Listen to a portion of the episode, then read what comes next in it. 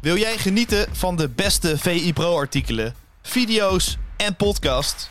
En wil jij nog meer inzichten krijgen rond al het voetbalnieuws? Word dan nu lid van VI Pro. Voor exclusieve podcasts, tactische analyses, interviews met spelers en financiële inzichten. Ga nu naar vi.nl slash zsmpro voor de scherpste aanbieding. Goedemorgen en welkom bij een nieuwe aflevering van VI ZSM, de dagelijkse podcast van Voetbal International, waarin we het laatste nieuws bespreken. Mijn naam is Jarno Vij en ik zit aan tafel met Pieter Zwart. Pieter Zwart, goedemorgen. Goedemorgen. We hebben uiteraard naar uh, Brighton tegen Ajax uh, gekeken. Um, mag ik de conclusie trekken dat Ajax er goed mee wegkwam met slechts 2-0? Dat denk ik niet. Mooi, we zijn het niet met elkaar eens, dat is fijn. Nee, ja, om daar dan meteen... Uh, ja, kijk, je kunt er op allerlei manieren kijken naar deze wedstrijd. Kijk, de eerste manier waarop je er naar kijkt is, ja, als je gewoon afgelopen maanden niks hebt meegekregen, ga naar deze wedstrijd kijken, dan denk je, hè, waarom heeft Ajax blauw-wit gestreepte shirts aan? Snap je? Want je wordt, ja, in een grote rondo was het allemaal nog nooit vertoond, zoveel balbezit, zoveel kansen. Uh, ja, ze slaagden er amper in om uh, vier, vijf keer een bal naar elkaar uh, toe te spelen. En verdedigend plooiden ze totaal terug. Ja. ja, dus dat is één. Het was verschrikkelijk. Uh, om naar te kijken. Maar ja, twee is, ik begreep het wel. Uh, en dan kom je ja, op het stuk uh, Brighton. Nou ja, we hebben hier ja, een paar weken geleden ook aan deze tafel gezeten. En toen ging het over, nou, wat hebben teams gedaan tegen Brighton? Hoe hebben ze succes ja. gehad tegen Brighton?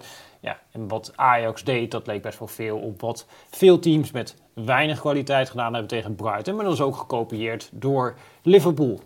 die altijd druk zetten, maar dan toch tegen Brighton denken, nou... En dat, dat, zegt wel veel, dat zelfs Liverpool dat, zich aanpast dat, aan Dat zegt denk ik uh, heel veel. Uh, en ja, dan zou natuurlijk van gigantische arrogantie getuigen als Ajax in deze situatie waar je nu zit. Dat je dan zegt, nou ja, Liverpool passen gaan, Manchester City passen gaan. Maar hey, wij zijn Ajax, wij zijn de beste. En wij gaan even met 8-0 eruit uh, tegen Brighton. Want dan word je helemaal schil getikt. en als je nu gaat kijken naar expected goals, wat jij zegt, nou ja, goed weggekomen. Waarom zeg ik, nou dat valt wel mee, is dat ze 1,35 expected goals hebben weggegeven uh, in dit potje. En in alle wedstrijden onder Maurice Stijn hebben er twee wedstrijden tussen gezeten waarin Ajax minder expected goals heeft weggegeven dan in deze wedstrijd tegen Brighton. Uh, dus ik denk dat dat het tweede perspectief is waarmee je ernaar kan kijken. Van ja, oké, die defensieve organisatie, ja, die was dus goed voor 1,35 expected goals tegen Brighton. En dan moet je ook meteen een perspectief aanbrengen. Want ja, Nederland, in Nederland kijken we nog een beetje naar Brighton als Brighton. Een willekeurige middenmotor uit Engeland. Met een Italiaanse trainer die overal maar een ja, maar beetje dat, dat is toch, wordt. Dat is toch wel bijzonder. Want de toptrainers hebben het over Brighton. Uh, de echte voetballiefhebbers hebben het over Brighton. Er gaat in ja, genoeg programma's dat, gaat het over Brighton. We hebben beelden is, laten zien. Ja, nee, en kijk, dat is één ding. Maar het, eigenlijk het allerbelangrijkste is eigenlijk... als je gewoon kijkt naar objectieve feiten... dan uh, ja, is dit het team in de Premier League, in de huidige Premier League, waar Manchester City in zit, Manchester United zit erin, Liverpool zit erin, die de meeste doelpunten gemaakt hebben dit seizoen ja. en ook de meeste expected goals uh, gecreëerd hebben. Dus dit is aanvallend het beste team van Engeland in de sterkste competitie ter wereld. Nou, we hebben de afgelopen weken Nederlandse teams de degen zien kruisen met Engelse teams. PSV 4-0 eraf tegen Arsenal, totaal kansloos. Ik zat gisteravond op de tribune bij. AZ Aston Villa. 4-1 eraf. Nou, zou je er ook bij wijze van spreken kunnen zeggen, kom je goed weg. Is het ook niet helemaal zo, want ze waren wel heel effectief. Uh, nou, en dan is Ajax Brighton uh, Maar goed, er was wel sprake van een krachtsverschil. Ja. Dat gaf Jans ook aan, de afloop ja, tuurlijk, van AZ. Dat, dat AZ, ja, tuurlijk, dat was een gigantisch uh, krachtverschil. Want je bent eigenlijk volkomen kansloos. Geen moment heb je perspectief gehad op daar uh, ja. een resultaat halen. Ja, en Ajax heeft ongeveer 40 minuten hebben ze perspectief gehad. En toen die goal viel, ja, toen viel het plannetje in duigen. Toen was het ook wel, uh, was het ook wel klaar. Maar je zag denk ik met name bij die 2-0. Ja, ga je een momentje wel druk zetten. Ze spelen de ronde uit en hij ligt meteen ligt die, achter Ramai. Ja, dat, is de kwaliteit uh, van dit Brighton. Zeker. Uh, maar dit is ook, Pieter, om even daarop terug te komen. Dit is ook waarom ik de vraag aan jou stel. Uh, de reactie in afloop van Maduro hebben we gezien. ik heb ook een reactie van Van Hekken gezien. De analyse van Sam Planting heb ik ook gelezen. Um, waarom ik aangeef bij jou, veel zijn ze goed weggekomen? Kijk, qua balbezit was Brighton herenmeester. Ze hebben weinig kans weggegeven. Dus je kunt zeggen dat het plan van Maduro realiteitsbesef heeft. Toch? Dat is Ja. de conclusie die we mogen trekken. Toch, als je dan naar Van Hekken luistert, centrale verdediger van Brighton, Die geeft aan dat hij in eerste instantie schrok van... hé, hey, ik had verwacht dat Ajax veel meer zou komen. Dus eigenlijk het Ajax-spel zou spelen. Nou, dat, dat is gisteren minder gebeurd. Maar vooral ook, ja, als wij beter aan de bal waren geweest... hadden we meer doelpunten moeten maken. En dat stukje integreerde mij wel. Dat je zegt van beter aan de bal, pak de 1-0. Ajax staat heel erg compact. Louis Dunk werd gezien als een matige centrale verdediger. Speelt toch in die kleine ruimte, hoog op het veld bij Ajax. Zo'n bal tussendoor en dan, dan kun je toch wel echt ja, spreken van een team dat gewoon zo goed op elkaar ingespeeld is. Maar ook nou ja, bepaalde kwaliteiten individueel gezien herbergt. Ja, en dan gaan dus inderdaad de individuen, die gaan ook uh, Ja. beter ogen. En wat dat betreft, eh Lentin, eh Godijk, eh, die produceerde vanuit Engeland een stuk met de kop uh, Brighton. Laat Ajax zien wat Ajax voetbal inhoudt. Maar dat is in feite wat hier Ja, gebeurd dat is het, Eh, en nou, als je er echt als positiviteitsgoeroe daar wil kijken vanuit Amsterdamse perspectief. En dat ben jij in van nature. Tuurlijk, dat ben Dat ik van ben nature. Nee, maar dan kun je natuurlijk zeggen van oké, ja, dit is daar ook in een jaar gebouwd onder deze trainer. In de eerste weken eh nou, won hij eigenlijk geen wedstrijd eh, onder eh, de Serbi. Maar ja, het is op een gegeven moment gaan lopen. Ja, je ziet nu dat individuen beter worden, individuen meer geld waard worden. En eigenlijk, hè, om hem helemaal terug te pakken richting hoe ik ook aan die Europese avond begon. Ik was in Alkmaar en je, je zit er toch een beetje met het gevoel van je hebt Feyenoord gezien. Ja, precies. Je, je zit er lekker in. En je denkt, oké, nou, ja, wil ik nog wel eens zien. Esther Villa, ja, misschien kan het wel, weet je wel. Ja. Ja, ja en dat, dat kon natuurlijk eh, eh, totaal niet. Eh, maar bij Feyenoord zie je dus ook van, eh, en dat was geloof ik ook meest gelezen op VE Pro, dat Sleeman had een column daarover van... Arne Slot eh, is een fenomeen. Maar daar zie je ook van, oké, er is een trainer aan de slag gegaan. Nou, die manier van druk zetten zag je op een gegeven moment erin komen. Je ziet ze dit seizoen aan de bal, denk ik, beter eh, dan ooit eh, in die periode onder slot. Ja. En dan zie je dat ze zich eerst op Conference League niveau, daarna op Europa League niveau en nu op Champions League niveau ja, gewoon kunnen meten. Tegenstanders de wil op kunnen leggen. In de hele Champions League is er geen ploeg die zo ver van het eigen doel afverdedigt als dat eh, Feyenoord dat doet. Ja, dat is waanzinnig knap. En laat ook wel zien dat je ja, iets kan bereiken op het moment dat je toch met de ploeg eh, aan de gang gaat. Dus wat dat betreft, ja, ja Brighton en Feyenoord ja, zijn een beetje voorbeelden misschien voor Ajax van, ja, het, het is nu kansloos. Het is misschien nog nooit zo kansloos geweest als dat ze daar deze wedstrijd eh, gespeeld hebben. Ja. Maar ja, als je met deze ploeg aan de gang gaat, dan kan het ook heel snel omdraaien eh, in het voetbal. Klopt, ja. Jij schopt overigens mijn hele draaiboek eh, nu even Ja, door de war dat met is je gooit. helemaal niet erg. Waar we mee zouden sluiten, dat eh, gooi je er ineens in. Nou, laten we het gewoon lekker door elkaar heen pakken. Ehm, de vergelijking tussen Brighton en Feyenoord, die heb je net al gemaakt. En, en dat zag je ook wel weer terug. Ook wat, wat Feyenoord tegen Lazio deed. Ik wil toch nog even kort terug naar Ajax. En ehm, specifiek richting PSV Ajax. PSV kan met 10 wedstrijden op 30 punten komen. Ajax kan in het slechtste geval hekkensluiter worden. Ehm, neem het stukje mee dat de aanvoerder het wellicht ook niet gaat halen. Steven Bergwijn valt eh, uit tijdens de wedstrijd tegen Brighton. Ja, met hoeveel angst gaat Maduro met zijn ploeg naar die wedstrijd toe? Nou, ik, ik heb hem horen zeggen van ja, we moeten tegen PSV wel wat anders laten zien. Eh, dus nou, daaruit haal ik van, ze hebben nu eigenlijk één fatsoenlijke training gehad richting Brighton, maar dat ze richting PSV gaan proberen te trainen om ja, wel wat verder vooruit te spelen. En dat kan denk ik ook tegen PSV. PSV is niet zo goed aan de bal als dat eh, Brighton dat is. Eh, dus ja, ik, ik, ik verwacht eh, dat dat het wordt. Alleen, ja, ook hier weer ja, realistisch bezien. Ja, PSV is een totaal andere fase als ploeg als waar Ajax nu in ziet. Eh, dus ja, tuurlijk, PSV is favoriet voor die Jij wedstrijd. zegt eigenlijk dat ook het realiteitsbesef in die wedstrijd moet gewoon duidelijk zijn. Dus dan is het ook geen schande om dus iets defensiever te staan, om er iets meer aan te passen. Ja, maar ik denk dat, je te- dat het tegen PSV wat meer zin heeft om op momenten druk te zetten. Omdat, eh, ja, wat je bijna niet ziet bij Brighton. Eh, bij Brighton heb je toch die spelers die weten continu waar is de vrije man, wie moet ik aanspelen. Bij PSV heb je toch een paar spelers ertussen zitten. Of je nou over Ramaljo hebt of dat je het nou over Dest hebt. Die als je in bepaalde situaties of eh, Veerman onder druk zet... Dat is ook wel eens een rare keuze maken, te veel risico nemen, balverlies eh, en de kans op een counter. Dus ik denk dat het veel meer zin heeft om druk te zetten tegen PSV dan dat het zin heeft om druk te zetten tegen Brighton. Want dat is het enige wat Brighton wil. Dat is de reden waarom je, Ja. ja, daarom oogt het ook soms zo traag. Daarom staan al die verdedigers eh, met die bal te treuzelen, omdat zij willen dat je druk zet. Eh, Ja, maar dat treuzelen is wel zo mooi. We gaan niet alles weggeven. We gaan straks ook live. Jij zit samen met Freek Jans en Kaloem aan tafel tijdens de live show... waarin we overigens een mooie prijs weggeven. Twee Ja. VIP-tickets voor Ajax Brighton. Moet je willen hebben. Ehm, Daarna Ik kijken. weet we niet ook, veel Ajax-fans dat willen hebben. Maar voetbalfans die kunnen Nou ja. er naartoe, toch? ik wou net zeggen, je wil ook Brighton misschien wel zien. Ja. Maar goed, daarin heb je dus ook die analyse van eh, Feyenoord, waarin ze dus ook dat treuzelen van die verdediging, dat dat zo belangrijk is en hoe goed dat uitgevoerd wordt. Je hebt helemaal niet door dat je een bruggetje maakt ook richting AZ, hè? Mooi is dat, hè? Ja, dat is ongelooflijk. Ja. Is het zo? Ja, dat is zo. Oké. Ik, eh, Wat is het bruggetje dan? nou, ik wilde dat- eigenlijk ergens anders heen. Ja, nee, maar we gaan gewoon naar Maar we gooien dit, weet je wat? Ja, weet je, we gooien dit gooi- draaiboek gooi gewoon dat draaiboek weg. Ga door. Hey, AZ. eh, want ik heb daar eh, op... ik was daar natuurlijk. En ik heb daar op Pro ook over geschreven. Dat verschijnt erg deze ochtend. verschijnt het online. als, Heb ik dus nog niet kunnen lezen. Nee, nog niet kunnen lezen als de digitale knoppen meewerken. Maar daar zag ik een beetje hetzelfde gebeuren. Dus op een gegeven moment, het is daar de derde minuut. En dan gaat de bal bij Aston Villa achteruit van linker centraal verdediger Langlais naar Martinez. Nou, die werd Ja. iedere keer een beetje uitgefloten. Omdat het blijkbaar de fans van AZ het niet leuk vinden als je penalty pakt eh, tegen Oranje. maar die ging daar met die bal aan de voet ging die staan. En ja, dat was een soort surplus wat daar gebeurde. Want hij stond, ik heb er nog teruggekeken, hij heeft 30 seconden heeft hij met die bal aan de voet gestaan. Op een gegeven moment ging hij gewoon zo met zijn handen in de zij staan. Van nou, gaat er nog iets gebeuren? En toen begon op een gegeven moment toch Ja. iemand van AZ druk te zetten. Dat gebeurde in de eerste helft eigenlijk ja, voortdurend dat die bal terugging naar Martinez. En dat hij alle tijd van de wereld nam. En dat AZ geen druk wilde zetten. Dus dat is eigenlijk ja, een beetje wat we hier ook over hebben. Van, ja, en nou, toen heb je, dat is leuk aan bij zo'n wedstrijd zijn, dan, kijk, het was natuurlijk totaal kansloos. Je kunt schrijven over uh, Soekewagen moet zijn bal niet inspelen, Mijnans moet zijn bal niet inspelen. Maar dit was eigenlijk iets wat mij fascineerde. Dat de keeper daar met 30 seconden met de bal aan de voet staat. En dat eigenlijk beide trainers zoiets hebben van, dit is goed. Bizar is dat eigenlijk, hè? Je ziet, soort- je ziet ja. wel eens dat het, dat het 5 tot 10, soms 10 tot 15 max.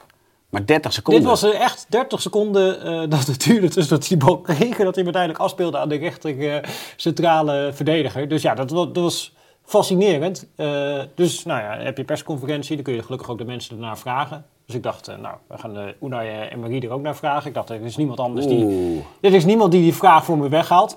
Wist hij wie je was of niet? Hè? Wist hij wel wie je was? Nou, dat weet ik niet, want ik wilde dus die vraag gaan stellen. En je denkt, ik ga hier een vraag over stellen. Er is natuurlijk niemand die hier een vraag over gaat stellen. Ja, maar je moet dan wel gewoon gelijk zeggen van... Hi, I'm Peter Black. Ja, dan je vraag stellen. vond gelijk huppatee. Ja, maar er was eerst een Engelse journalist die vraag stelde. En die begint meteen over Amy Martinez. Dat, dat hij heel veel eh, patient had in de build-up en eh, of, dat het, eh, of dat het plan was. Ik denk, ja, nou, daar, gaat mijn vraag aan de Emery. Maar die, die legde dus inderdaad uit van, nou, dat het het plan was. En ze Ja. moesten de emoties controleren. En oh, ja, ze moesten de rust nemen om pas de basis te spelen op het moment dat AZ druk eh, ging zetten. En dat ze dit verwachten van AZ. Nou, Pascal Jansen was voor de rest niemand eh, die dit aan hem vroeg. Dus toen nou, heb ik het wel eh, aan hem gevraagd. Ja, en die legde ja, precies vanuit het andere perspectief uit. Van, ja, ze stonden dus met eigenlijk de spits en de nummer 10 op hun controleurs. Ja. En ja, hij legde uit van ja, als wij daar doorgaan, en dan moeten op een gegeven moment mijn controleurs ook door. En dan hebben zij twee van die spelers aan de zijkant die continu aan de binnenkant komen. En die komen dan vrij in die ruimtes. En dat zijn de ruimtes die AZ wil beschermen. Eh, Ja. Dus hij legt het uit dat perspectief uit van hé, hey, daarom zetten wij geen druk. Dus ja, de- die keeper die treuzelt omdat Aston Villa hoopt bepaalde ruimtes te creëren. En AZ wil die niet weggeven. En dan krijg je zo'n ja, rare padstelling. En dat is eigenlijk denk ik ook een beetje wat je in mindere mate bij Ajax Brighton naar Ja. hebt zitten kijken. Van ja, Brighton wil dat jij druk gaat zetten om bepaalde ruimtes te openen. En Ajax weigert dat. En dan krijg je natuurlijk een heel raar schouwspel. Ja.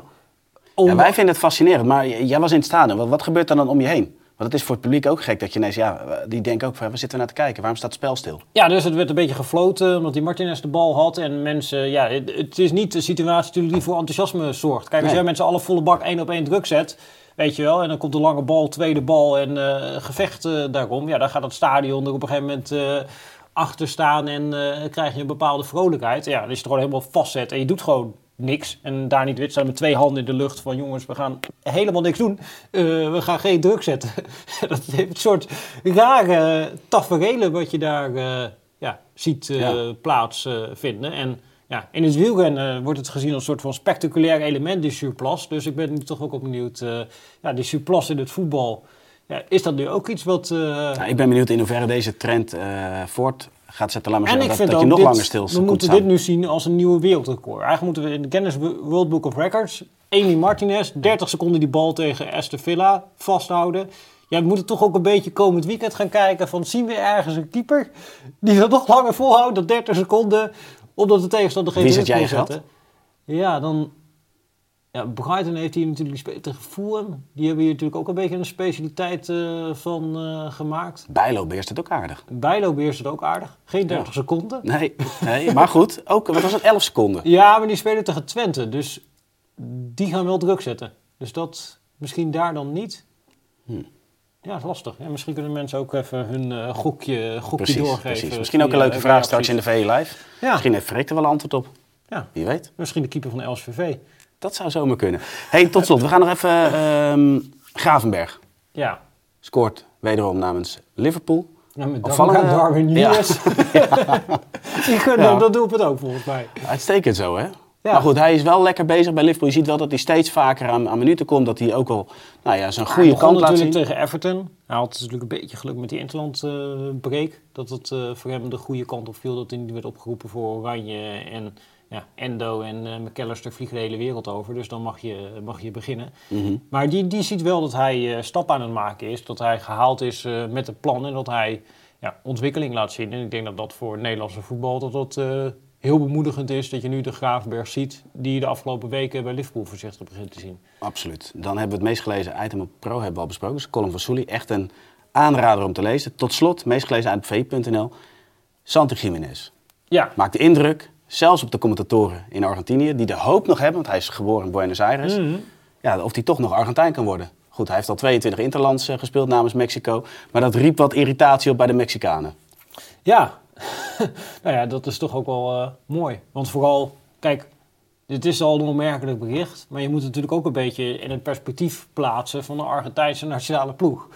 Waar Lautaro Martinez speelt. Ik zie afgelopen eh, midweek te- te- bij Galatasaray zie je Icardi zo'n penalty Absoluut, eh, ja. nemen. Die schiet de ene naar de andere bal eh, erin eh, voor Argentinië. Ene Het zegt wel iets over zijn ontwikkeling. ja, ene Oh. Lionel Messi loopt daar ook Ja. nog rond. Paulo Dybala. Ja, je kunt hele lijstjes maken van fenomenale Argentijnse aanvallers. En dat land zegt dus, ho, maar wij willen deze hebben. Ja. Eh, en dat, ja, eh, dat maakt denk ik zo veel betekende het. Als zij daar nou een spitsenprobleem eh, hadden gehad, eh, dan denk je, ja, die, is- die zijn blij met alles wat ze tegenkomen. Maar dit Ja, is maar een alles luxe mee. Want er wordt, er wordt zo over hem gesproken. Dus ook, laat maar zeggen, nou ja, vanuit de Argentijnse hoek.